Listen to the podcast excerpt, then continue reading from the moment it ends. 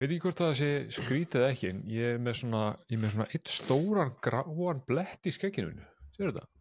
uh, Já, ég er búin að, er að benda þér á nokkur sinnum. Já, ég veit ég, hann er búin að vera þetta smá tíma. Þetta er mjög skrítið, svona neðst niður á hálsinum, ég fæ náttúrulega skegg sko, ef ég myndi ekki raka mig þá myndi ég geta um, tengt skeggi mitt við bringuðar mín. Okkur fæ það það- ekki? Já, því ég veit það ekki, mér líður svo að það sé svona ekki heitt, kannski. Ég held að það sínum alveg rosalega heitt. Mér finnst, já, Vist, Ég þarf það- ekki að, ekki að horfa á það sko. En, en þú veist, ég held að sé alveg rosalega heitt. Hefur séð myndina að Burt Reynolds? Uh, já. Burt. Reynolds laying on carpet. Já, það hafa allir séð þá mynd. Það er svona myndin sem að þú veist þar gæta hann nefnilega ef hann væri geðt svalur tengt Ef hann væri geðað svalur Veist- Maðurinn er, ge- var geðað, er, er að lifa þetta, ég veit ekki.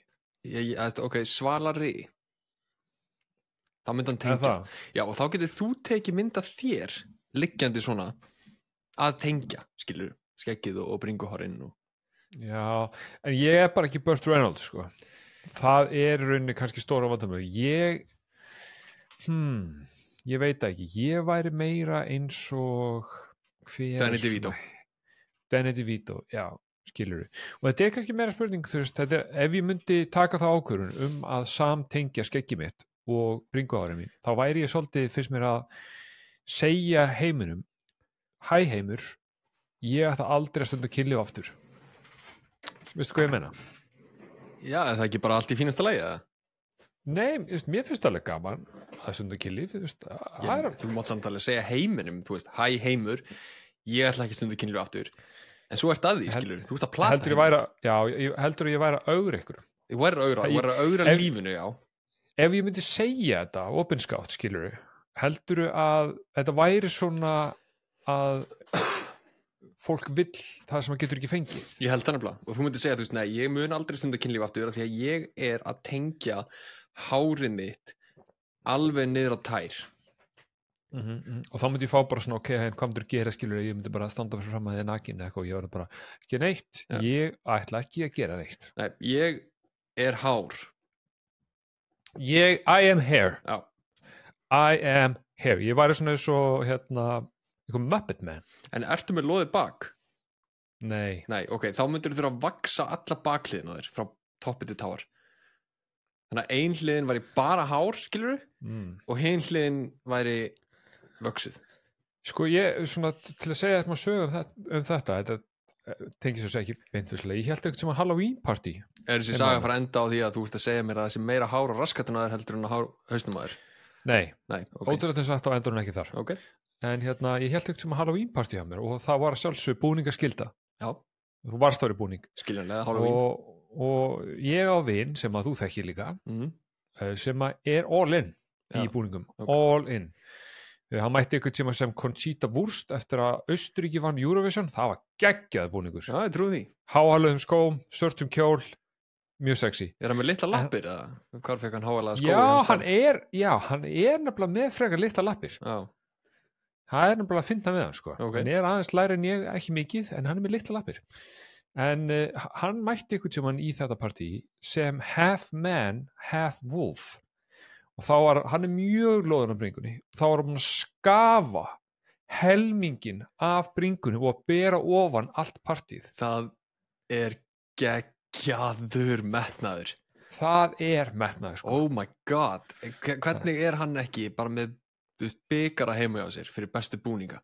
Ég veit ekki, sko málið var hann vann tvö ári röð og svo gerði hann aftur þrið ári, ég man ekki hvað hann var þetta var geggjaði búningur, ég gat ekki leift láta að vinna aftur það, þú veist, en hann átti að skilið en ég var að velja einhvern annan. Já, en þú En- varst í rauninni bara ósangjöld dónend svolítið, mm ég var það bara svolítið en Tómas, þú ert að lusta, þú ert frábær.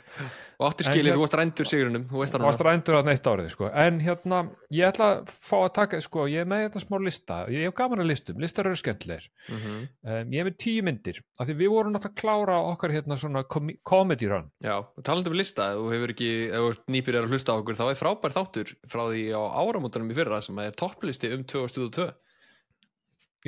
sem topplisti 2022 Já, það sem að ég og Sigurán voru mjög fullir í lokin og það var mjög gaman. Já, mjög skemmtilegt. En ég er með lista því að við vorum að horfa á grímyndir. Vorum að fjórar.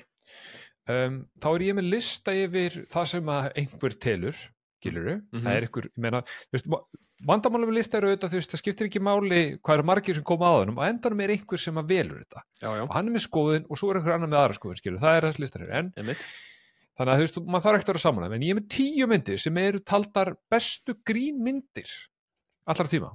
Ok, viltu ekki íski? þannig að eins og, eins og við höfum gert á þér þá hefur tíu gisk. Já, og þú átt bara að að ná eins mörgum og mögulega getur. Ok. Þannig að tíu bestu grínmyndir allra tíma, tíu gísk Já.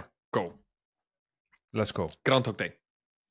Ne nei, ha, ok, ekki, það er eitt ránt ok, Superbad hún er nummer 5 frábært. Um, and Dumber hún er nummer 7 mm ok. Airplane hún er nummer 3 mm ok, ok. Gengur vel, fjúkis komin, fjúkis komin. Ok, ok. Um, þrjú rétt. Núna getur þetta orðið meira tricky. Já, nú er þetta meira trikki um, da, da, fuck, maður sjá. Uh, hugsa, Sigurjón, hugsa. Þú ert bíómyndisarfræðingur já, ég er ömulegur í svona trivia sko. Um, en þó þetta ekki trivia, þú veist, ég bara blokka alltaf ég er alltaf svo, uh, ok. Uh, Ace Ventura. Ace Ventura, gott gísk ekki á listanum. Ok, örglega út af hérna Caddyshack. Caddyshack er nummer 4 ok. Fannst þú aldrei spes, satt segja ekki sé hana. Nei, það er bara, þú veist, allir bestu grínleikarar 80s komnir saman já, fá sér kókain sér kókain og það er bara tekið upp og myndin er bara það. Mhm. um, nema alltaf er ekki að fá sér kókain á filmu þau eru að gera það bak við filmuna og svo fara það bara að leika. Já, já, það, það er er, er ekkert handrið dansið. Um, 6 gísk komin, 4 rétt og 4 eftir. Uh, ok, ok um, það er einhver að úti að hugsa einhverja mynd skilur Ég er veit. segðu það bara, come on, gauð segðu það bara, fólk Öskrandi. segju do it uh, hvað epic grínleikara á ég eftir sko? Hlýtur að vera Ghostbusters? Neip, um, það eru tværina sem að ég veit að þú ert ekki þurfa að sammála. Jafnvel þrjár. Ok uh, veist, ég ætla að segja bara Bridesmaids. Bridesmaids er ekki á þessu lista. Ok hvað er mörg gíska eftir? Tvö? tvö gísk eftir, fjögur rétt, fjögur röng. Ok. og er hann á 50% Já, ég verði hann á 50% sko. Annað er fall. Þannig að það er fall sko. Uh, fimm er, fimm er það sem að ég náði alltaf í skóla. Sjáðu mig í dag allt, þarft ekki meira, þarft ekki meira. Um, oh my god ok, býtum við. Uh, sko, hvað er uh, 90s, 80s 70s Clerks Nei, fuck me. Ég get sagt þér, gefa þér eitt hint. Við höfum hort á eina mynd sem átt eftir. Um, er Súlandir á sig Nei, nei, og þá er gískin búin ég skal segja þér þetta, ég hef ekki séð eitthvað af þessum myndum. Ok. Í fyrsta sæti Blazing Saddles. Í fyrsta seti, í fyrsta sæti á þessu lista. Ok. Öðru sæti er Christmas Vacation. Já, ok, mm -hmm. um, sjötta sæti er Step Brothers já, ok. S- áttunda sæti Shrek. Já, ok, Shrek er fyndið minn, ég hef gaman að Shrek ég respekta Shrek. Já, já, en er það grínmynd? Já, ég, mér finnst ég hlóða henni. Já, já, níunda sæti er Spaceballs. Já, og tíunda sæti sem ég er svona þú veist, hann er fyndin hann er mjög fyndin, þetta er alveg fyndin mynd en, en er þetta grínmynd, ég veit það ekki, Deadpool. Já, þetta er ekki grínmynd en, er, en, en þetta er Ryan Reynolds, ég held hún sé bara að þetta er Ryan Reynolds. Ég hef, En ég hef fa- átt að þú veist, þegar Airplane var á þessum lista að Blazing Saddles væri líka. Og, og mögulega Spaceballs. Já, en hindsight er fallegt og þú fjælst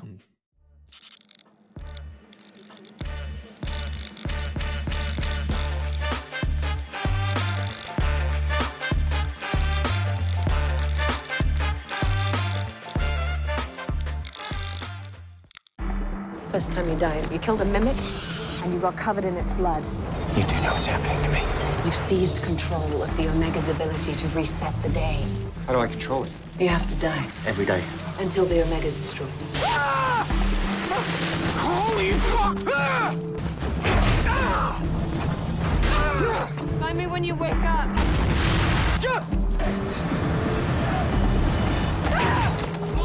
What the hell were you thinking? You're gonna get me there, Get me there. and I'm gonna kill it.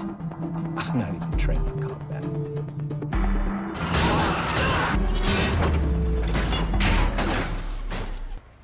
I think I broke something. What? The only thing I can feel in my lips.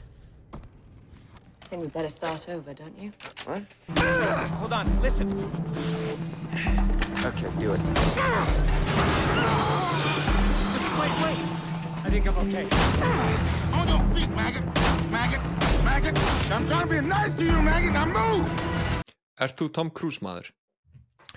Sko, góð spurning um, Já Veist, fólk er vanlega eitt eða annað sko annarkvæmt Já, er það ég- Tom Cruise eða ekki Tom Cruise Sko, já Ég held að ég verði eiginlega bara meira hattast að ég sé Tom Cruise. Hann er vissulega mjög skrítinn að mörg hlutum. Já, en hann hefur En- ekki verið skrítin í mörg ár. Hann er hættur að vera langt- skrítin ég veit, það, hann hann er eiginlega hættur að vera skrítinn sko. þannig að ég ætla bara að segja þó hann hafi gert ímis mistök kannski og verið skrítinn á sín tíma það verður maður að gefa fólki sens og hann er professional hann gerir stunts. Mhm. ég ætla bara að segja þessi Tom Cruise maður. Já, ég held að hann hafi tekið skrítna feysið sitt og hugsað, hei, það er víst ekkit vola cool að vera skrítin þannig að ég ætla bara að hætta að vera skrítin og vera bara skrítin í persónulega tímanum mínum frekar. Já, því veist, veist, menn hætta ekkit að vera skrítnir þeir, þeir byrja bara að fela það að þeir séu skrítnir skilur er, já, ég meina þú veist, það er ekkert að veist, það eru flestir skrítnir í kringum ákveði fólk, mm Mhm. skilur þetta er svona eins og þegar að, hérna, feimnigæðin í skólanum hjá þér, þú veist í bandaskóla hann sagði aldrei neitt og svo eru, var maður vinir og, veist, einhvern uh, svo fórstu heim til hans, með, þið fóru kannski tvei vinir heim til hans og þá var hann geðveikt ofvirkur og bara talaði non-stop og var bara mjög weird Já, er en í skólanum þá sagði hann aldrei neitt þá var hann bara frekar rólegur og dannaður og afslappaður skilur, skilur í, um, í vissu umhverju þá verður fólk skrítið og það er ekkert að vera skrítin sko. já. Í þessum þætti, þætti allavega munum við ekki tala um vísindakirkjuna, neitt við við- við höfum engan á henni ég veit líka ekkert um hana Nei, ég veit, ég er búin að horfa á margar heimildamindir Ég nenni ekki að tala um hana um, Tom Nei, nei, Cruise er þú bara, nefnir bara að horfa á margar heimildamindur um hana? Já, þú veist, ég hef alveg áhuga á henni. Já, Ég bara Mhm. vill ekki tala um hana. Ok. um, Þannig að við ætlum ekki að einu sem ég veit er að þeir trúa á uh, Demigod Cthulhu. Nei, og hérna ha, nei, nei, nei. Ertu að segja mér að South Park segja, hafi að mér Þeir sögðu ekki Cthulhu, hann heitir Sanex eða- þetta er Cthulhu, hann er svona eins og tentacle og Já. það er það sem vísindakir ekki að Já, já, allavega ég, Við ætlum ekki að tala um hana ætlum, Tom Cruise er bara það sem hann er En Tom Cruise er líka The movie star Tom Cruise tomorrow. Hún hét ekki Edge of Tomorrow Og tæknilega séð undir sum kringustæðum þá heitur hún ekki Edge of Tomorrow vinnutitlir á myndinni var Live, Die, Repeat mm. Brothers eins vegar sagði uh, rétt á þannig myndin kom út og það voru komin plakut fyrir myndina sem stóð á bara Live, Die, Repeat um, þá sögðu þeir, æ, veistu þessi titill, hann hérna er eiginlega bara of grófur fyrir þessa mynd, af því að hún er svona action comedy og við viljum bara hafa hana hérna aðeins skemmtilegri, Mm þannig að þeir ákveða að gera það Edge of Tomorrow. Ég, Um, sko, ofta tíðum en maður er kannski ekkert sammála á the big studio execs skilur, mm -hmm. ég held að þessi til sé betri. Edge of Tomorrow. Live, já, heldur en live, die, repeat Ok, það, sko, þá komum við að hinnu sko, myndin kostaði 170 miljón dólar mm hún grætti pening en það er eitthvað við Tom Cruise í dag uh, fyrir utan hérna Top Gun 2 og allar Mission Impossible myndinar þá síðan 2004 þegar hann gerði War of the Worlds og var smá kúkú um, þá hafa myndinarnar sér gett grætt pening í bandaríkjunum. Mm. þannig að þessi mynd actually grættir ekki nema 100 miljón dólar í bandaríkjunum en grættir svo 200 cirka miljónir út um allan heim. Já. Tom Cruise er til dæmis hann er mjög stór í Kína. Mm. kynverjar elska Tom Cruise. Tom Um, Cruise hann? Já, Tom Cruise hann.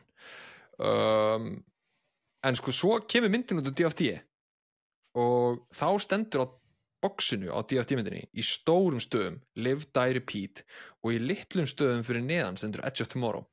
Og á hliðin á hulstrinu og veist, þú svona setur DFT í hilluna og þá svona sérðu já, titlana já, já. þar stendur Live, Die, Repeat Já, ekki, Edge of Tomorrow en Warner Bros. samt þverneita fyrir það að myndin heitir Live Die Repeat hún heitir Edge of Tomorrow. Þó þeir setji titilin ekki nema í litlum stöfum á hulstrinu þegar hún kemur svo út á DFT já, og ég get svo svarið það að þegar ég sá hann í bíó hérna á Íslandi þá var hún Live Die Repeat en ég samt er ekki alveg 100% staði uh, náttúrulega komið 10 ár síðan Já. uh, nýju En Þannig að af hverju gera það? af því að þeim fannst, ég held nefnilega hún hafi verið sínd í Evrópu og Asju sem Live Die Repeat hún grætti miklu meiri pening þar. Ég held þér hafi hugsað, hei Live Die Repeat var örgulega bara einfallega betri titillin á myndinni. Já Livda, já, ég veit ekki. Livda repeat er svona það er working title. Það er meiri working title. Já sko, working title á Edge of Tomorrow 2 sem að kemur kannski einhver tíman en Doug Lyman leiksturinn hefur sagt að þú veist, við þurfum eiginlega allar stjórnunar í galaxíinu til að læna upp til að það gerist. Að því að Emily Blunt þarf að vera laus, Tom Cruise þarf að vera laus og hann þarf að vera laus. Uh, vinnutitlir á henni er Die Repeat Repeat já, já, já. ok já, já, það, já, ég vona hún heiti það ekki þegar hún kemur út. Nei, það, það meikar eiginlega ekkert sens frekar að hún bara heita Edge of Tomorrow Again eða Já. Edge of Tomorrow 2 eða eitthvað sko. Live, die, repeater Já, en hún Repeat kostar að bara til að vera alveg uh, hlandvis með tölunar þá kostar hún 178 miljón dollara cirka uh, og grætti 370 miljón dollara heimsísu þannig að hún var vissulega success. Uh, hún er með 7,9 á að sem er mjög 90 hátt Já, mjög hátt. Og ég held hún sé um á Rotten Tomatoes er hún með alveg 90 og eitthvað sko. Um, menna þú veist, þetta er mjög stærra góð minnst um, já, þú veist, hún er með, sorry, hún er með, já, 91% já, um, í aðluturkum eru það svolítið Tom Cruise sem við erum búin að tala um, uh, Emily Blunt Bill Paxton sem var í Alien líka, Aliens. Mm og Terminator. Og Terminator. Um, svo erum við með Brendan Gleeson. Já, já, já, sem írski, írski hersöðingin yfir bandarinska hernum. Yes sir. Mm -hmm. uh, svo hellinga að öðrum svona andlitum sem maður þekkir eiginlega en, en ég hérna, veit ekki nöfnin á þeim. Um, en það, er svona, það eru nokkur hlutverk í myndinni sem er svona hei já þessi. Um, en hérna líka í þessari mynd uh, að hann fekk allavega borgaþröður í henni er Jeremy Piven. En hérna sem er í hefur ekki séð hérna Entourage. Jú, já hann leikur agentin já eða managerinn. Já, Ari Gold. Já geggjaði karakter. En, karakter, geggjaði hérna, þættir. Já, geð, geðveikið þættir. En hérna, hann eh, leikur sérst í myndinni, fekk borga fyrir að leika í myndinni. Eftir að myndin var tilbúin sérst, það fór þeir í reshoots. Uh, hann kemur inn í myndina, er hluti að reshootum og svo er það klift í burtu. Já, þannig að þú veist, hann er vissulega er í myndinni, hann bara sést ekki og, og, og hann fekk henni það er lett mjög þægilegt. Um, að öðru, þú veist, já, já mjög finnst það komið sko. Ég, ég, ég held að þetta sé fjórða skipti sem ég er að sjá hana. Ég, sko, já. Ég hérna vissi ekki að þessi mynd væri til. Nei, en ég man eftir viðtali við Emily Blunt þar sem að það er verið að þetta er öruglega þegar þessi mynd er að koma út þar sem þetta mynd er komið eða þetta viðtali er. Þar sem er verið að tala um hvað hún er orðin buff. Já, og þá hefur verið að veist, þá er hún að tala um það að hún hafi verið í þessum exoskeleton suit hvað sem hún kallar þetta. Þú það, þetta var ekki eitthvað suit sem við voru Já. actually í. Já, Tom Cruise sem sagt vildi ekki að búningurinn yrði CGI Tom Cruise að- vill það aldrei. Nei, nei, það sjálfsög ekki. Það er ekki það sem Tom Cruise vill. Tom Cruise er ekki CGI maður. Hann vill að hlutinni séu eins og raunverulegir og mögulega geta verið. Jú, ég respekta það Ég, ég respekta það svo mikið og þú veist, nýjasta Mission Impossible myndin er þú veist, líka allar hérna sem koma undan reyndar, en hún er styrluð og þú veist, það er bara að því að hann er ekki að gera CGI og það er galið og Top Gun Maverick maður holy fuck! Aftur, bara þetta er ekki CGI, þú veist, bara það sem þú ert að horfa á það er þeir að gera og það er tekið upp og það er, það, myndin þannast Tom Cruise eru bara öðruvísi. Þær eru bara öðruvísi. Veist, á góðan hátt sko, veist, það Já. eru bara einfallega geggjaðar, af því að það er einhvern veginn svona no bullshit dæmi í gangi. Já. Tom Cruise er að öllu líkundum mest no bullshit gæi sem til er. Já, það var líka sko þeir voru að taka Mission Impossible að því að þeir tók hann upp í COVID. Þá lag á netið eitthvað hérna uh, einhver upptaka sem að hann er að öskra á krúið og hann er að segja veist að þau verði að vera með grímur. Mm og það er einhver sem var ekki með grímu og hann tekur smá reyðiskast og er að öskra á krúið að þú veist ástæðan fyrir að við erum með grímur hérna er svo við getum haldið áfram. Við erum að bjarga kvikmynda yðnaðinum við erum að búa til þessa mynd. Ég ætla ekki að láta það gerast því hann er framlegandi á myndinni. Að einhver sé grímulegs hérna og við þurfum öll að hætta tökum í sex vikur að því að það er eitthvað COVID smitt mm og fólk var, sömur voru svona eitthvað oh my god, hann er svo klikkaður. En þú veist, ég hugsaði bara þetta er gæði sem að brennur fyrir kvikmyndaðinaðin -hmm. hann vill ekki láta eitthvað svo heimskulegt eins og einhver neyti að vera með grímu skemma sko 100, 200, 300 miljón dólar batteri mm veist, Nei, það er hann hlýtur að vera veist, meira fyrir the movie ég ætla, ég ætla að það fram að það sé meira fyrir að make the movie heldur en að þetta sé svo mikið peningu sko. já, já, já, já, 100% þú veist, Mm. en hann, hann er bara maður finnur bara, maðurinn vill bara að allir séu að standa sig vel allir, öllum líði vel og öryggi sé í, í, í lægi og það sé ekki COVID að fara að stoppa það frá því að búa til þess að gegja mynd mm hann er mjög professional sko. hann er mjög, mjög mjög professional. Maður er og maður heyrir bara meira og meira af því eftir þessum árin liða. Já, hann og Leiðinlegt Keanu Reeves eru með mjög svipað fyrir alltaf vísindakirkjudæmið þá eru þeir með mjög svipaðar sögur af setti. Þú veist hvað eru ógeðslega professional, gott work ethic og þeir skil alltaf sínu. Já, já, ég trúi því. Já, leiðilegt sko að því að ég manum fyrir ekkert svo lengur ég sé eitthvað af Tom Cruise svona uh, fyrir utan hérna uh, myndir. Sá þegar hann kerið formúlubíl og hann Mhm. kerið hann upp í fyrst getið fekk að keira eitthvað svona eldri típa formúlubíl var enga stundan á því uh, fór sér upp í þyrlunum sína og fór að, fór að gera svona loop-til-loops Já, sem var mjög áhugavert sem að bara síni þessi gæi veist, hvað er þessi gæi, ég veit ekki hvað þessi maður er eins og sko. um, ég sá líka viðtal við hann um daginn þar sem að hefur, ekki, hefur séð svona wired autocomplete interview á YouTube? Já, já, og það var svona can Tom Cruise og svo var búið blank út og það var alltaf bara já, já, ég get flóið flugvél já, ég get flóið Boeing ég, ég bara svaraði alltaf já, ég, hann getur gert allt sko. Mhm. eina sem hann getur ekki gert í miður er að svo hjá Shakiru reyndan það? Hann reyndi það. Ó, þau sáist, hann, hann var flirting with her í Formule 1, hann fór á race þetta var um daginn. Hún er náttúrulega ekki með Jared Piquet hún sást síðan að bát með Lewis Hamilton skilur það var Ah. drama. Að, ég, sko, mál, ég, veit ekki sko, ég, Tom Cruise er gífurlega professional en er hann samt ekki veist, sem, hann, er, hann er movie star. Og, er movie, bara og movie buff líka. Movie buff og movie star. það, hann, hann tó- tók fram í viðtalið um daginn hjá Jimmy Kimmel eða eitthvað. Hann horfir á eina bíómynd á dag. Já, mitt Ok, við þurfum að fá hann bara í þáttinn til þess að tala um en hérna allavega, sko það sem að en málið með Tom Cruise til miður ég held að í hans persónulega lífi þó hann sé búin að vera veit ekkert um það, eða allan að lítið farið fyrir því, þó hann sé búin að vera eðlilegur í mörg ár það er alltaf þetta svona hmm, hvern, hvernig ertu svona bara á föstaskvöldi þegar þú ert ekki að vinna skilur hvað eru það að tala um? Það er svona, það er eitthvað væp við hann sem er svona pínu skrítið mm -hmm. en hann er samt algjör töffar hann, þetta er rosa, hann rosa skrítið típa það er erfitt að meta hann. Ég sammálaðir, en þú veist, ég, alltaf þegar ég hugsa, þú veist, Tom Cruise þá hugsa maður alltaf einhvern veginn svona ugh, allt hitt, en svo því ég er að horfa mynd með honum og ég er að horfa á hann á skjánum þá get ég ekki annað en verið bara djöfull ertu geggjaður í bíómyndum? Já, hann er geggjöð leikari. Bara, sorry, ég, hann er, er bara líka málið sko, hann, er, hann er bara góður leikari líka. Já, það sem hjálpar hann er að hann er actually góð leikari og það, það skiptir það miklu máli að að hann er bara helvíti fucking skemmtilegur á skjánum. Hann er það. Ég er bara sammálaður hann er, hann er erfitt hann, hann hann er erfitt að dæma en sem kvikmyndaleikari frábær. Algjör töffari. Um, stjartan sem er á mótunum, Emily Blunt.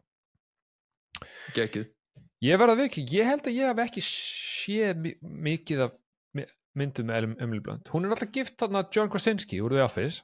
Já, sorry, eitt einskot að hérna, Tom Cruise er Já, með þrjár sorry, hann er með þrjár óskastilendingar fyrir besta leik sko, að á hreinu Hann er aldrei unnið samt eða. Nei, nei, nei, Mun hann ekkert sem að vinna? örgulega ekki Ég held ekki. Nei, Hann er ekki, hann Kanns- hættur kannski- dram, hann dramar já, kannski verður hann svona Anthony Hopkins, skilur. Já, hver veit Hann En er svona gæði sem verður örugglega ennþá að leika þegar hann er 80 ára. Já, já, hann mun örgulega ennþá bara vera að gera Mission Impossible eða eitthvað Hann vill bara gera stórar big budget actionmyndir sem að fæ fólk í bíó Já, ok, ég respekta það.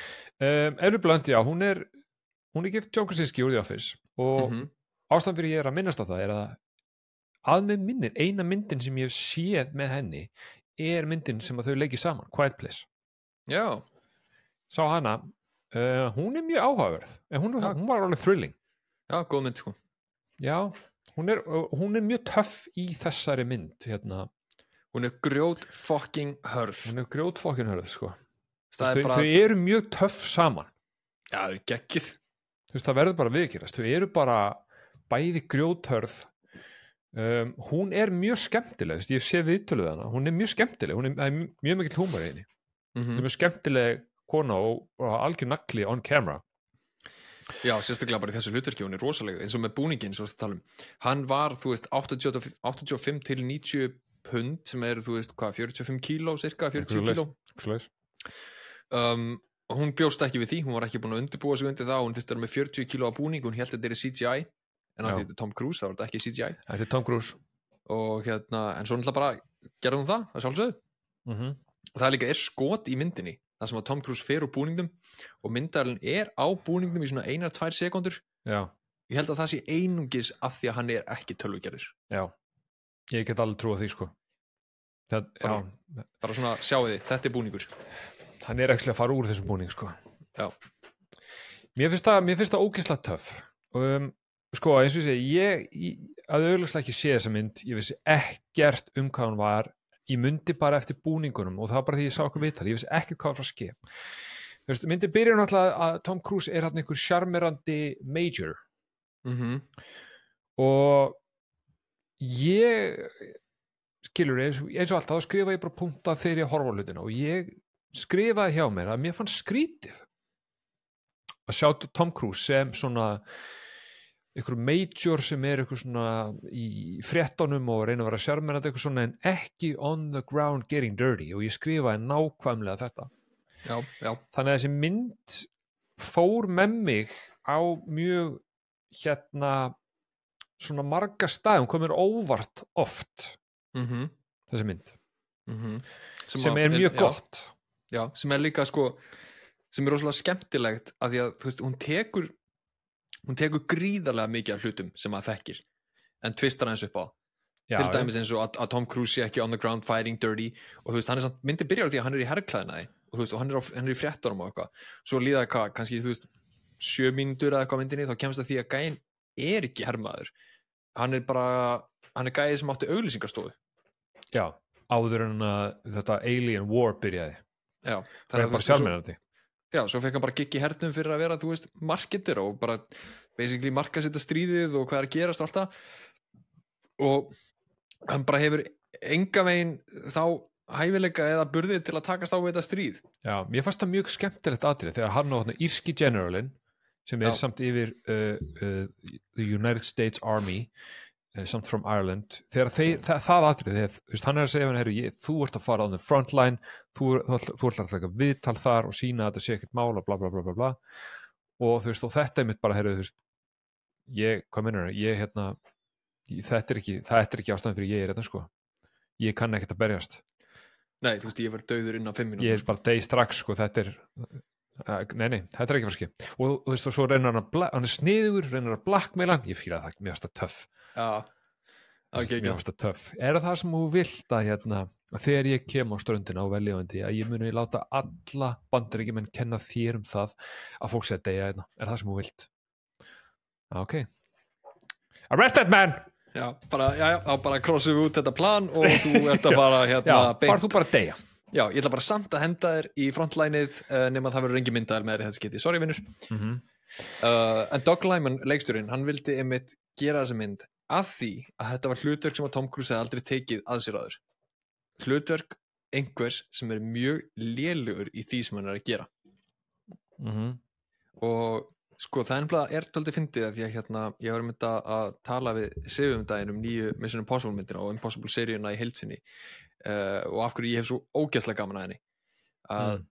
Ethan Hunt sem karakter uh, ég veit náttúrulega ekki, þú hefur ekki séð nýju myndinar nei, ég hef séð eitt Já, þú hefur séð og eitt. tvö. Um, við ættum að taka þrjú upp úr einhvern tímann. Um, þú sem áhörandi ert að horfa á Ethan Hunt og þú ert búin að sjá samt allt þetta behind the scenes að þú veist Tom Cruise er að klifra á Burj Khalifa og Tom Cruise er að festa sig við flugvél og eitthvað svona dót. En svo þegar þú ferð að myndina þá kemstu það því að Ethan Hunt karakterinn hann er bara alls ekki trefin af neina af þessu. Nei, þú veist, hann bara vill alls ekki vera aðna og hún finnst bara ekkert sniðut að klefra Búska lífa og hann er bara mjög hrættur og þú veist, það, er, það sem er svo skemmtilegt við þetta er að veist, Tom Cruise sjálfur er geðveikari heldur en karakter sem hann er að leika sem er að berjast til að bjarga heiminum. Já ég mynd, ég mynd að séri sem The Mission Impossible. Einmitt. Mm -hmm. uh, og þess vegna ég, hef ég rosalega gaman af Edge of Tomorrow af því að Tom Cruise leikur svo vel og hann er ekki hrættur við það veist, hann er ekki með eins og The Rock eða, eða, eða, Vin Diesel eins og við vorum að tala í fastnaði fjöristáttunum okkar. Hann er ekki með klausu í samningum sínum um að það megi bara berja hann þú veist, færri skipti heldur en hann ber hingæjan Mm -hmm. þú veist, Tom Cruise er bara tilbúin til að leika gæja sem getur ekki neitt til þess að skemmta áhörnundum já. Þú veist, 1, 2 og 3 ef þér er skemmt, þá er hann ánæður og, og hann gera það, hann rosalega vel í gegnum alla myndina veist, hann er að þjást uh, 80-75% af myndinni sko. já, for the sake of comedy and entertainment sko. já þetta er hérna þetta er veist, sko þetta er þetta er auðvitað hasarmynd já, veist, það verður að, að segja þetta er hasarmynd og sagan segir að ég hef ekki gaman af hasarmyndum það er eins og þú sagði það er- búið að, búið að, búið að spæsa hlutun upp sko, það er búið að mixa það er búið að setja alls konar krydd í þetta. Mm og fyrsta spæsi sem að ég komst að þann er auðvitað Groundhog Day. Emitt, nákvæmlega. Það sem að ég skildi ekki alveg þú veist, hann fer í stríðið og, allt, og hann deyr og hellist ykkur síri yfir hann og þú er bara, what, ég, ég, ég maður hugsa þá bara, what the fuck? Það eru 20 myndir búin að myndinni, þú veist, hvað er að ske? Tom Cruise að deyja, Emily Blunt er dauð hún dó fyrir Já. framan hann eh, og hann er að deyja núna, hvað er að ske? Bara báðir aðalkartinni dauðir Já. á hérna myndina hálf það eru 20 myndir búin að og báðar aðkvæmur dauðir. Ok, þetta er öðruvísi en svo kemur það, einmitt, og vaknar aftur og nákvæmlega saman stað og þetta er áhugavert.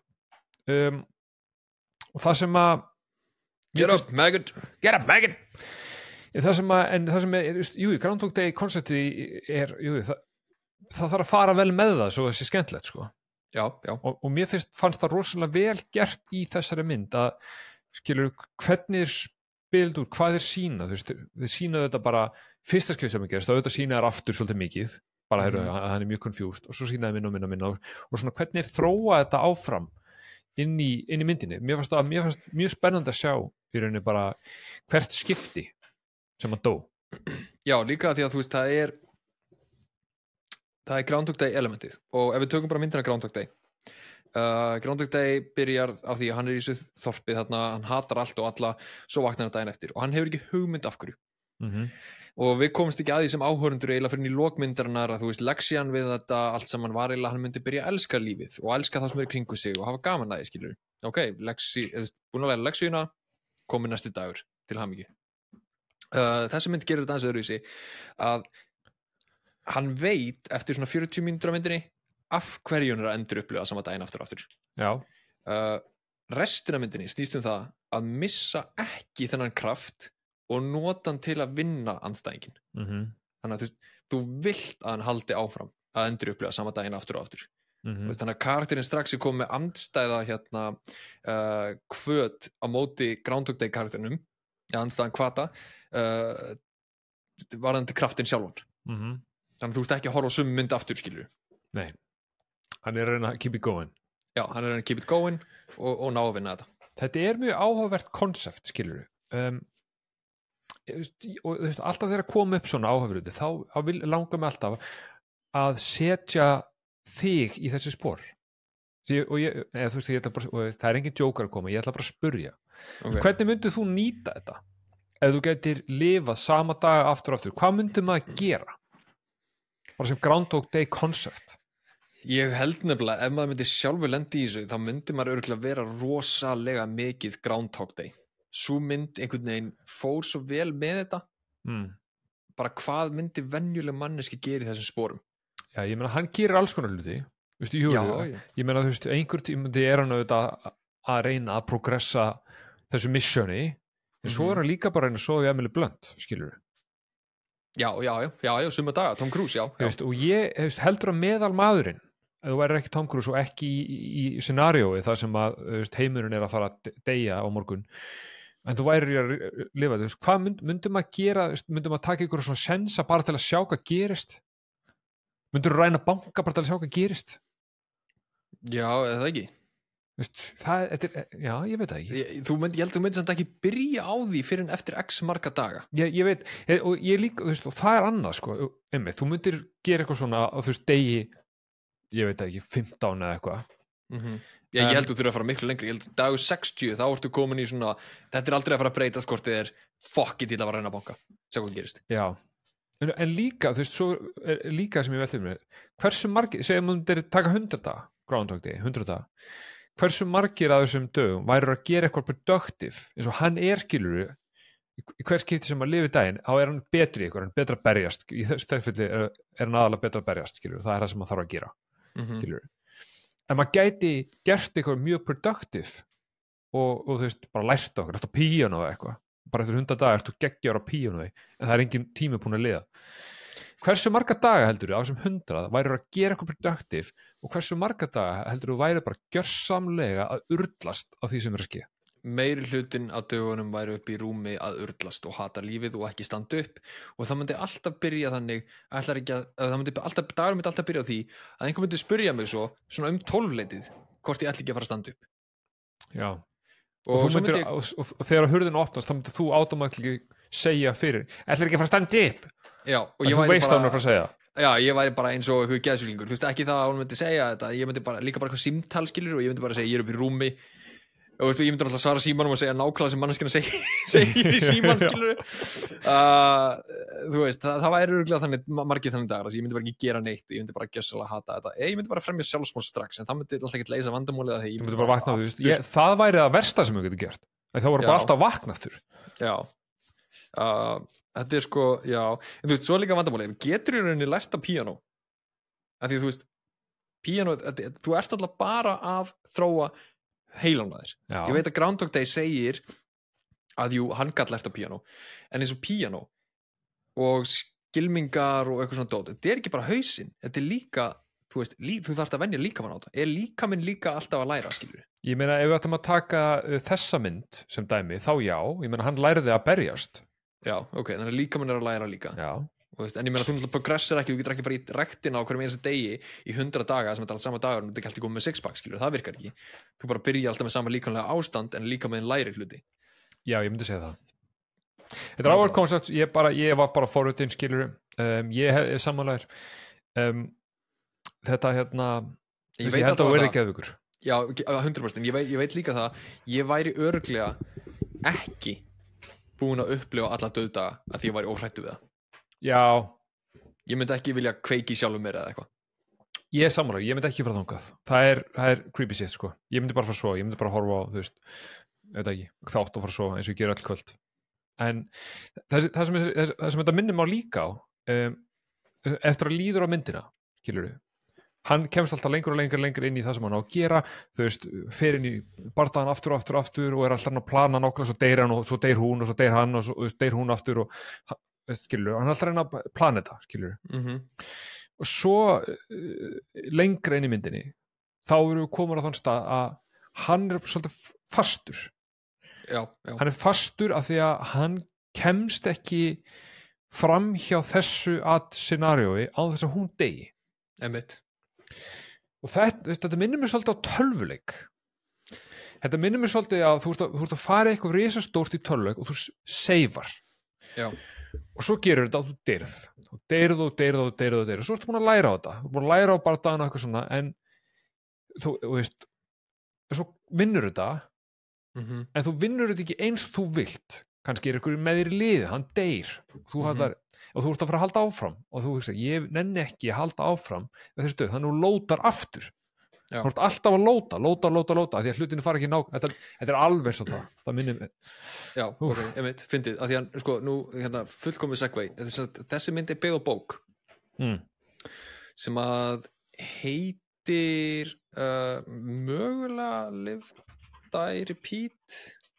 En hún er japansk Mm. Er, það, er það ástæðan fyrir það japanska í hérna uh, exoskeletónu þegar hann reyna Nefnilega, það er akkurat ástæðan. Þetta er lítið egg í bókina. Ja. bókin er japansk og hann skiptir óvart eh, hérna, exoskeletonið yfir í japansku já, hann er er að taka safety off.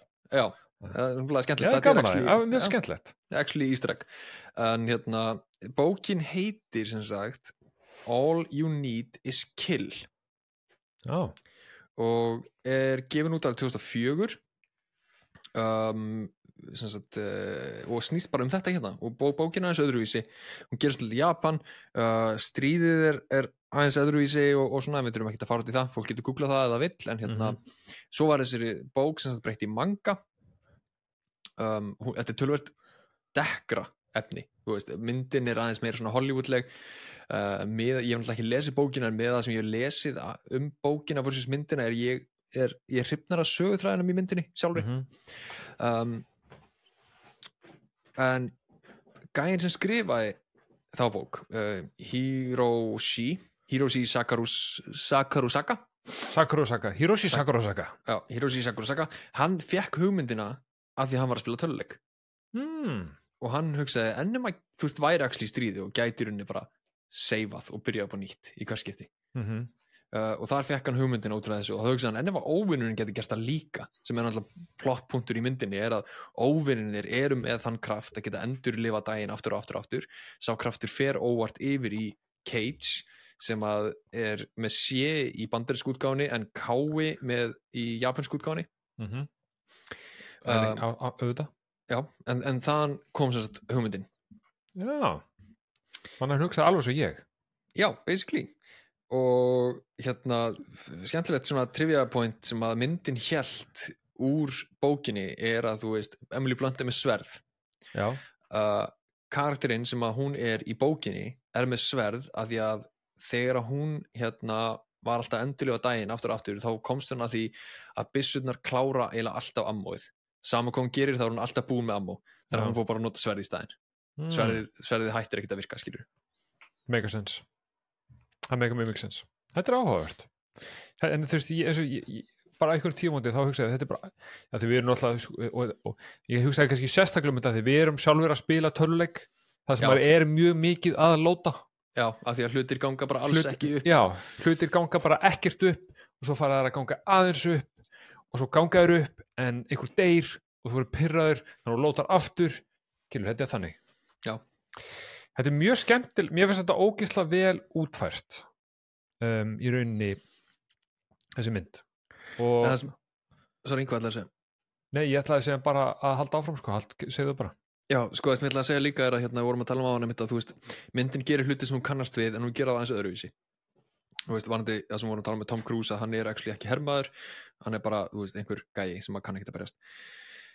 Uh, Myndin sjálf að samkvæmt handriðsöfundi er blanda af Groundhog Day og Starship Troopers. Já, Starship Troopers eru þeir að berjast við, þú veist, einhverja gemurur uh, Mhm. og hérna, þú veist, er líka grín og átira. En hérna, en það sem að vantar náttúrulega inn í þá myndlíkingu er að þú veist, hún er líka 100% aliens. Mm, bara svo, að svo, svo mörgu leiti mm, hún gengur það langt að Bill Paxton er í henni uh, þú veist, það er þetta crew hérna, the Marine crew mm sem að er nánast copy-paste af Aliens crewinu. Uh, svo ertu með Tom Cruise sem að er Ripley -hmm. sem er ekki þjálfaður hermaður. Og þú ert með exoskeletonið sem að hún Ripley notar í, mynd, í alveg í endan á myndinni já, sem er samt ekki bardagatæki heldur þú veist vinnutæki já, en hún notar það sem bardagatæki og í þessari mynd þá er það actually bardagatæki þannig að þegar ég var að horfa á myndina aftur þá var ég bara ok, þú veist, að ég vil tiltrúlega nýbúin að horfa á Aliens. Og bara vá hvað þessi mynd er líka Aliens. Og hljóðið í bissonum og hérna tækinu sjálfu er tekið úr Aliens myndinni. Hvernig, ha- af hverju? Ba- bara til bara að, til, bara til að gera þetta sama já, bara svona ístræk, skilur mm -hmm. bara sömu hljóð Já, ég meina þú veist, það, það, er alveg rétt sko, þegar þú segir það. Þetta er, þetta er alveg rosalega mikið af hlutum samt. Þetta er many things sem við erum að bera þetta saman við. Já, ég meina, þú veist, myndin er náttúrulega smá svona grautur af hlutum sem á bara kannast við en, en, en samt ferst Já, sko það sem sko, ég, sorry, en, já, sko áðurnu förum að tala um endin það sem að, það sem að ég var að segja á þann er að hérna stærsti, þetta er, er hasarmynd í rauninni en, en stærsti partræði er hún það ekki? Þetta er Tom Cruise að þjást. Og þetta verður rauninni ekki hasarmynd fyrir alveg endan. Mm Jú, jú, það er mjög mikið hasar yfir alla myndina, inn á milli skilu, þú veist, því hann er náttúrulega endur lifa þetta hérna, Alien Beach Omaha dæmi. Um, Beach Omaha D-Day. D-Day, já, þetta er bara Omaha. Um, Já. Í Fraklandi Já, já, en þú veist, eh, þetta er sko, gaman að segja voru því myndin var frumsýnd á ammælisteinum mínum 7. júni 2014 sem er 70 ára ammælistagur D-Day. Já, og fyrsta sýningin var klukkan 6 um morgunin á breskum tíma sem er klukkutímin sem að þeir réðust inn á D-Day. Og það var gert viljandi. Af því að myndin svipar svo mikið til árásinnar á D-Day.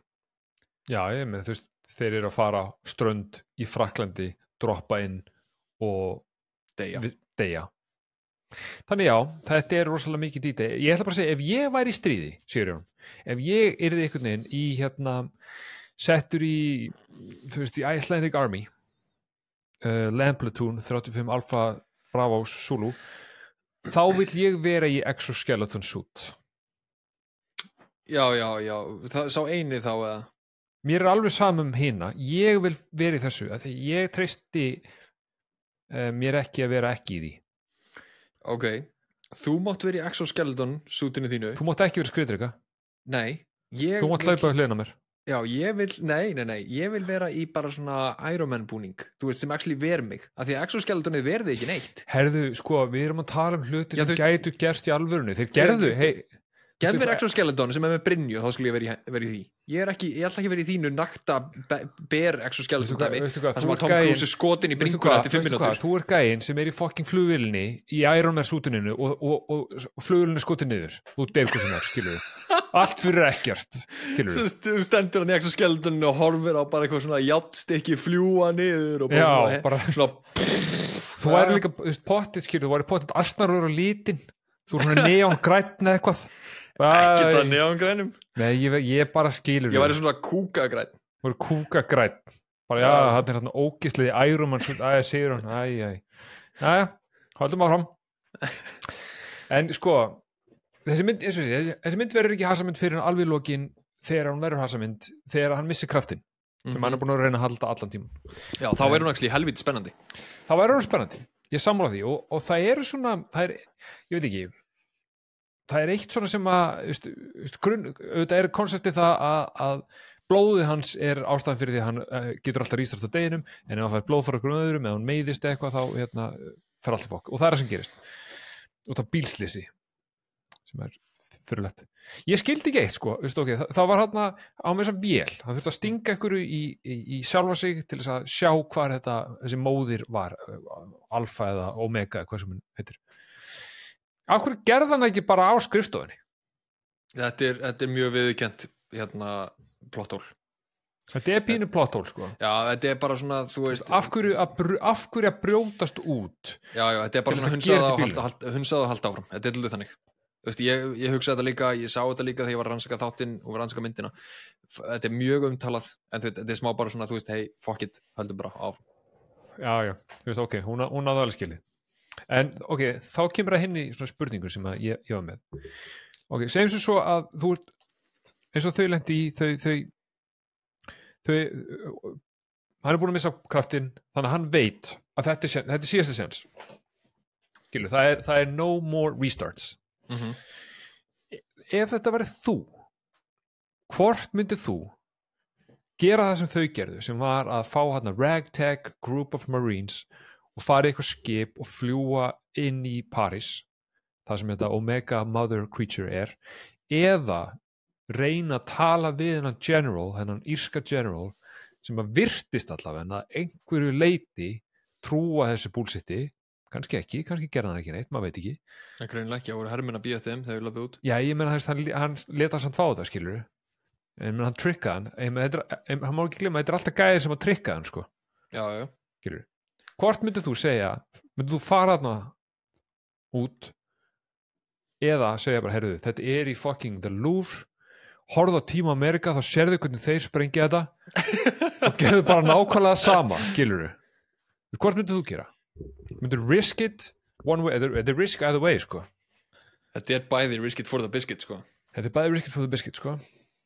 Um, sko, þú þyrtir já vitandi ekki hvernig það myndi fara þá myndi ég mögulega reyna að tala við hersöðingjan já, en vitandi hvernig þetta fer samkvæmt myndinni þá myndi skipið ekki ná að sprengja lúr sem er vandamálið. Nei, ég bara, þú veist general hlýtur að eiga fullt af einhverju sprengjum. Bara nú já, ég geta meina- eitthvað. já, ég meina þú veist það þyrst að núka þetta sko. Já, já, ég meina þú veist, heyrið það? Núkit. Núkit, Já, Just do ég bara, veist þú, ég bara, ég veit að ég pældi þessu, en annað sem að kemur ekki ávart ég myndi allavega, sorry, bara, ég myndi allavega að nota þetta og svo skjóta mig sko. Til að byrja daginn upp á nýtt. Vitandi þá hvað þetta væri. Já, en þá erum við inn í þessu lúppóli en þá þessu, þarna dæmi, já, já, þú veist, þú myndir ekki gera á, á ferð í bíl á leiðin út úr húsið þegar það verið að skjóta þig. Nei, nei, nei. Var, já, en ok, við horfum fram með því þegar ég horfði á restina þessari mynd þá uh, uh, kemur þetta því að þau keira þessu skipi inn í Louvre.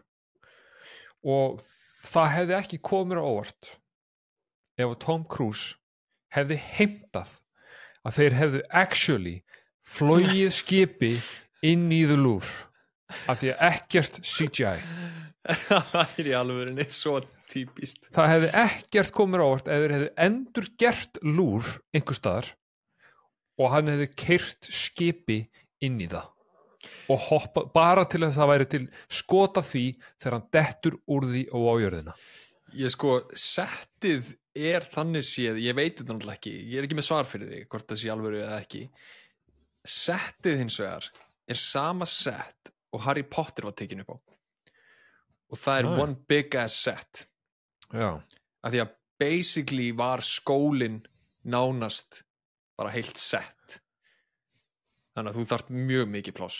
Já, um, þannig, að- og þeir voru með mjög mikið pláss. Já. Þannig að þú veist en þetta er náttúrulega auðvitað CGI en, en þú veist það væri, já, já, er það er, er þetta auðvitað Þetta CGI? er Tom Cruise. Þú veist aldrei lengur.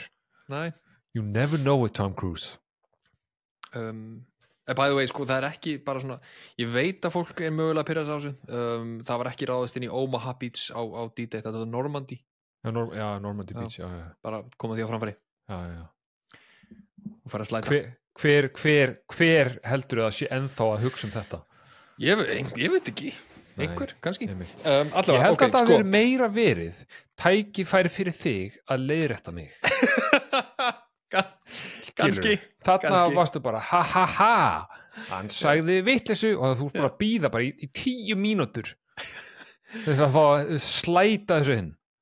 Já, ok, nokkur hlutir sem ég ætla að taka fram árum við hættum. Um, Tom Cruise eitti SO. 100 SO, Tom Cruise eitti 100.000 dólarum uh, í lokapartí fyrir krúið uh, til að fagna því að myndin var þú veist, að vera búið að taka hann upp. Uh, Já, hann mætti ekki af því að hann var að klára sínatri Já, þetta er mjög Tom Cruise-legt. Þetta er mjög Tom Cruise-legt þú veist. Þau, eru búin, ég er ekki búin Já. Skemmti þið ykkur, ég láta hann að vinna. Já, já, um, Tom Cruise var þriðja manneskinn í heiminum til að fá þær fréttir að Emily Blunt var í ólétt. Þegar að þeir komu aftur til að taka upp sagt, eh, þessi reshoots sem að Jeremy Piven var á sæðinu um, þá hérna Hvað átti Jeremy Piven að vera bæði hef ekki hugmynd. Nei, það hafa verið gaman að vita það um, já þá sem sagt að taka upp nokkur hasaratriði aftur sem að var gott að taka upp. Uh, þetta er mjög algengt í kveikmynduðina um að reshoots séu fjölmiðlar eiga til að, að mála þetta sem einhverja slæma myndir. Þessi myndir gangi um reshoots en allar myndir fara ekki um reshoots. Um, en þá var sem sagt Emily Blunt ekki tilbúin til að gera stuntaðatriðin sín sjálf af því að líkt á Tom Cruise þá gerði hún öll stuntaðatriðin sín sjálf í þessari mynd. Mm -hmm. það var ekki bara Tom. Þau voru bæðaði uh, Tom Cruise var mjög hissa að hún vil, skildi ekki vilja gera standardinni sin sjálfa því hún hafði gert það fyrir og hún dró hann til hliðar og sagði ég er ólétt. Og það var sem sagt John Krasinski besta vinkonunnar og svo Tom Cruise sem fengur það fréttir. Næs, eðlilegt. Eðlilegt, mjög eðlilegt. En þú veist, eitt svona algjörlega bara side shit, skilur veist, verða svona leikarar ekkert vinir? Er það bara misjaft? ég veit ekki hvort að Tom Cruise geti átt vini Það er reyndar góðu punktur. Af því að sko til dæmis þá kom út mynd hérna sem heitir Oblivion árið 2013 með Tom Cruise.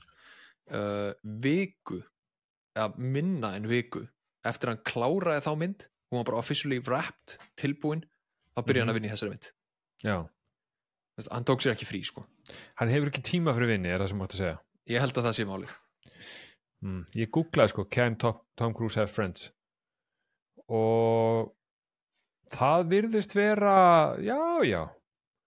Ben Stiller. Okay. uh, David Beckham.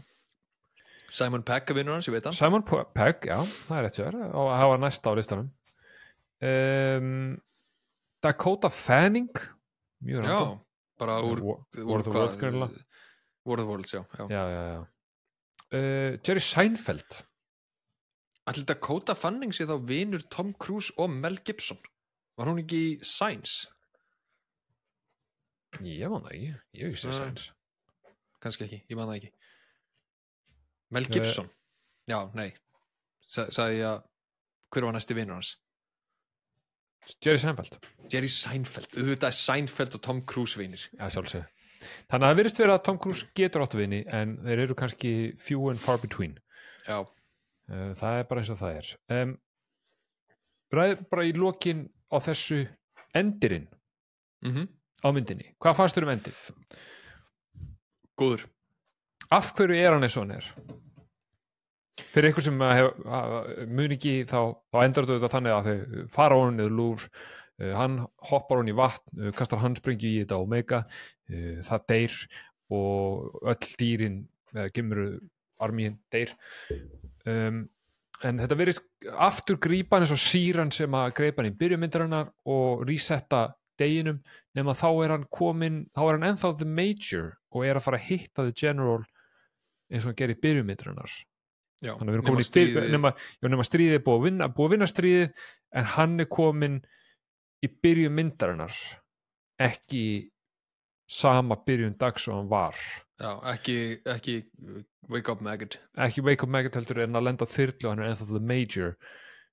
Og svo fer hann og hittir hana. Og þessum er, ég skil það vel, hann fer og hittir Emily Blunt, skil það vel, eru- hann, hann er náttúrulega væntalega bara hann ástfangin hann, hann er búin að eyða ári með henni þó hún sé ekki búin að eyða einum, einum degi með henni með já, árið, þetta gæti verið meira sko, veist, maður veit við sjá- ekki. Nei, við sjáum í rauninni bara 26 daga. Uh, það var einhver sem taldi það. Þetta eru 26 dagar sem við sjáum á filmu um, það eru pælingar um að þetta séu mögulega nokkur þúsund dagar. Já, það kemur ekkert óvart sko. En eh, spurningin minn er svo af hverju endar myndin á að við resetum myndina? Uh, hann náttúrulega fær kraftana aftur skilur til að enduræsa en hann fær náttúrulega ofur kraftana. Veist, hann, getur, getur resettað eins og hann vill þannig séð með að við það omegaði getur resettað eins og hann vill. Þannig að á þess að vita að því þá greinilega resettar hann tvo daga aftur í tíman eða þess að gera viljandi skilur um, en þú veist, ég veit ekki, mér finnst þetta aðalega bara, mér finnst þetta skemmtilegur endir. Mm. uh, endirinn á bókinni er miklu, miklu, miklu þunglindari. Já, ég meina þú veist það hefði margir, þú veist, það hefði ekki pælt í því sérstaklega ef að myndin hefði bara endað á honum döðum í vatninu. Nei, nei, þannig sé ekki sko. Bara fórna sér og, og, og svona, en þú veist, þetta er meira Hollywood endir. Um, það var líka, þú veist ok, bara, ef þið vilja ekki vita endurinn á bókinni af einhverju fyrirlega ástæði eða ekki fyrirlega bara, þú veist, því að þið vilja ekki uh, bókinni sem þannig að þau eru bæði með krafta til að endur þessa daginn. Uh, Rita mistið aldrei. Mm. um, skrýmslinn virka aðeins öðruvísi. Alfæð er ekki sá sem að endur þessi deginum, þú veist það er ekki ef alfa deyr þá endur þessi dagurinn, heldur eru svona antennas, þetta er bara eins og eitthvað svona farsímakerfi. Mm. þú veist, þú þarfst að taka út alla farsíma sendana, þannig að farsímandi sjálfur deyja. Ef þú drepur á marga farsíma, þá endur þess að farsíma sendarnir deginum, veist, Mhm. þeir senda skilabóð í höfustöðunar og höfustöðunar endur þessa mm -hmm. segja bara, heyrðu, það er ómargir herminn að deyja, bæng, endur þessum uh, þau eru komin hérna að Omega-inu nema þau komin ljósa að því að þau geta bæði endur að steinum þá getur bara eitt þeirra verið lifandi. Það eru henni of margir sendar ennþá lifandi. Þannig að bókin endur á því að þau þurfa að berjast til dauða upp á það hver að þeim ætti að lifa af. Áðurnu drepa síðast að eru bara, já, já, einmitt, Já. ok. Já, það hefði verið skrítinendir það er já, það er svona að af þessum tveimur þá er ég tölverð trippnari af Hollywood-endinum. Sammála, ég er það líka. Þau, deyja, mjög áhugaverðan sko, Emily Blunt deyja náttúrulega bara að hún er ripped to shreds já, já, mjög brútal mjög, brútal. brútali sko þú veist, og líka mjög skrítið fyrir hann sem er búin að horfa á þessa konu lifa með henni í þúsund daga segjum Mhm. það og svo horfur á hana bara, já já, það er hún bara being ripped to shreds. Já, bara þú veist eins og, eins og bræður hérna gæjans í Tíma Amerika já, nákvæmlega. Gary. Já, en já, þetta var bara þetta er áhugaverður endir ekkert á honum. En ég ætla bara að segja, ég, mér finnst þetta mynd góð. Já, ég ætlaði að fara að spyrja það, ég er mjög forvitin að því þetta er hasamynd en samt grín ívafi og með þessu já, aliens ívafi og þessu Groundhog Day ívafi. Hvað myndur þú gefa henni einhvern? sko mm, þetta er góð mynd. Þetta er bara góð mynd. Skilur, það er hasar í lokin það er ekki, þessi mynd er 1.50 það er ekki hasar nema kannski síðustu 20 mínútur Mm -hmm. Þú veist, þó að sé hasar samt einhvern veginn ég veit ekki, 7.9 fær hún ég ætla bara ég ætla bara að gefa henni 8 Já, ég bara þetta er solid átta. bara solid 8, þau eru bæði Emily Blunt er grjóthörði sem mynd algjörnagli og, er bara, þú veist, og þau bæði eru bara geggjuð og þetta bara virkar. Þetta bara virkar. Ég ætla að mæli alltaf með henni veist, fólk bara, ef þú vilt horfa á þessa mynd, horfa á hana. Alveg 100%, þetta er mjög skemmtileg mynd. Ég hafði að engar væntingar fyrir þessa mynd þegar ég byrjaði að horfa á hana. Ekki neinar, ég held ég var að fara að horfa á okkar algjört sorp. En hér eru við. Mhm. um, Ok, þá er það komið. Niðurstaðan er, er þessi. Uh, næsta vika uh, við ætlum að horfa á mynd sem ég hef búin að sjá aftur en tíu sinum mm. Þær eru nokkrar sem eru það, þannig það, það segir okkar hlustundum ekki neitt sko. Ah, þú ert looter Er ég looter? Er ég, er ég looter? looter Tur. sir Er ég Sir Lou? þegiðu hvað er myndin, segðu það bara Uh, Sin City já, takk fyrir Hefur séð hana? City. aldrei séð hana, hún er svarkvita ekki? Oh my god, þetta er svo góð mynd. Er hún ekki svarkvita, hún er, hún er þrý tímar eða ekki? Nei, hún er einn og hálfur eða eitthvað. Oh my god, hún er svo fucking góð. Já, hún er í svarkvítu en ekki öll myndin. En oh my fucking god, hún er svo góð sko. Þetta Ok. er mynd sem ég hef séð oftar en tíu sinum og það eru Já. mjög fáar sem ég hef séð. Það er Airplane, það er Clerks, það er Dark Knight, það er Sin City. Það er, það er ekkert mikið fleiri en það. Ok, já, ég manna ég hef heyrt um, heyrð um á sín tíma. Veit, Jessica Alba er dansandi í henni og Bruce Willis leikur í henni og Quentin Tarantino leikstýrir henni. Nei. Nei, ok, þá veit ég ekki jafn mikið, ég veit ekkert um hana, ég veit bara hún var vinsal Ok, herðu, þannig til næstu við erum á Instagram, Facebook uh, endilega hendi í follow á Spotify og öllum þessum stöðum. Við erum allstar, við erum að fara að horfa á Sin City í næstu viku og það er að fara að vera fucking geggjað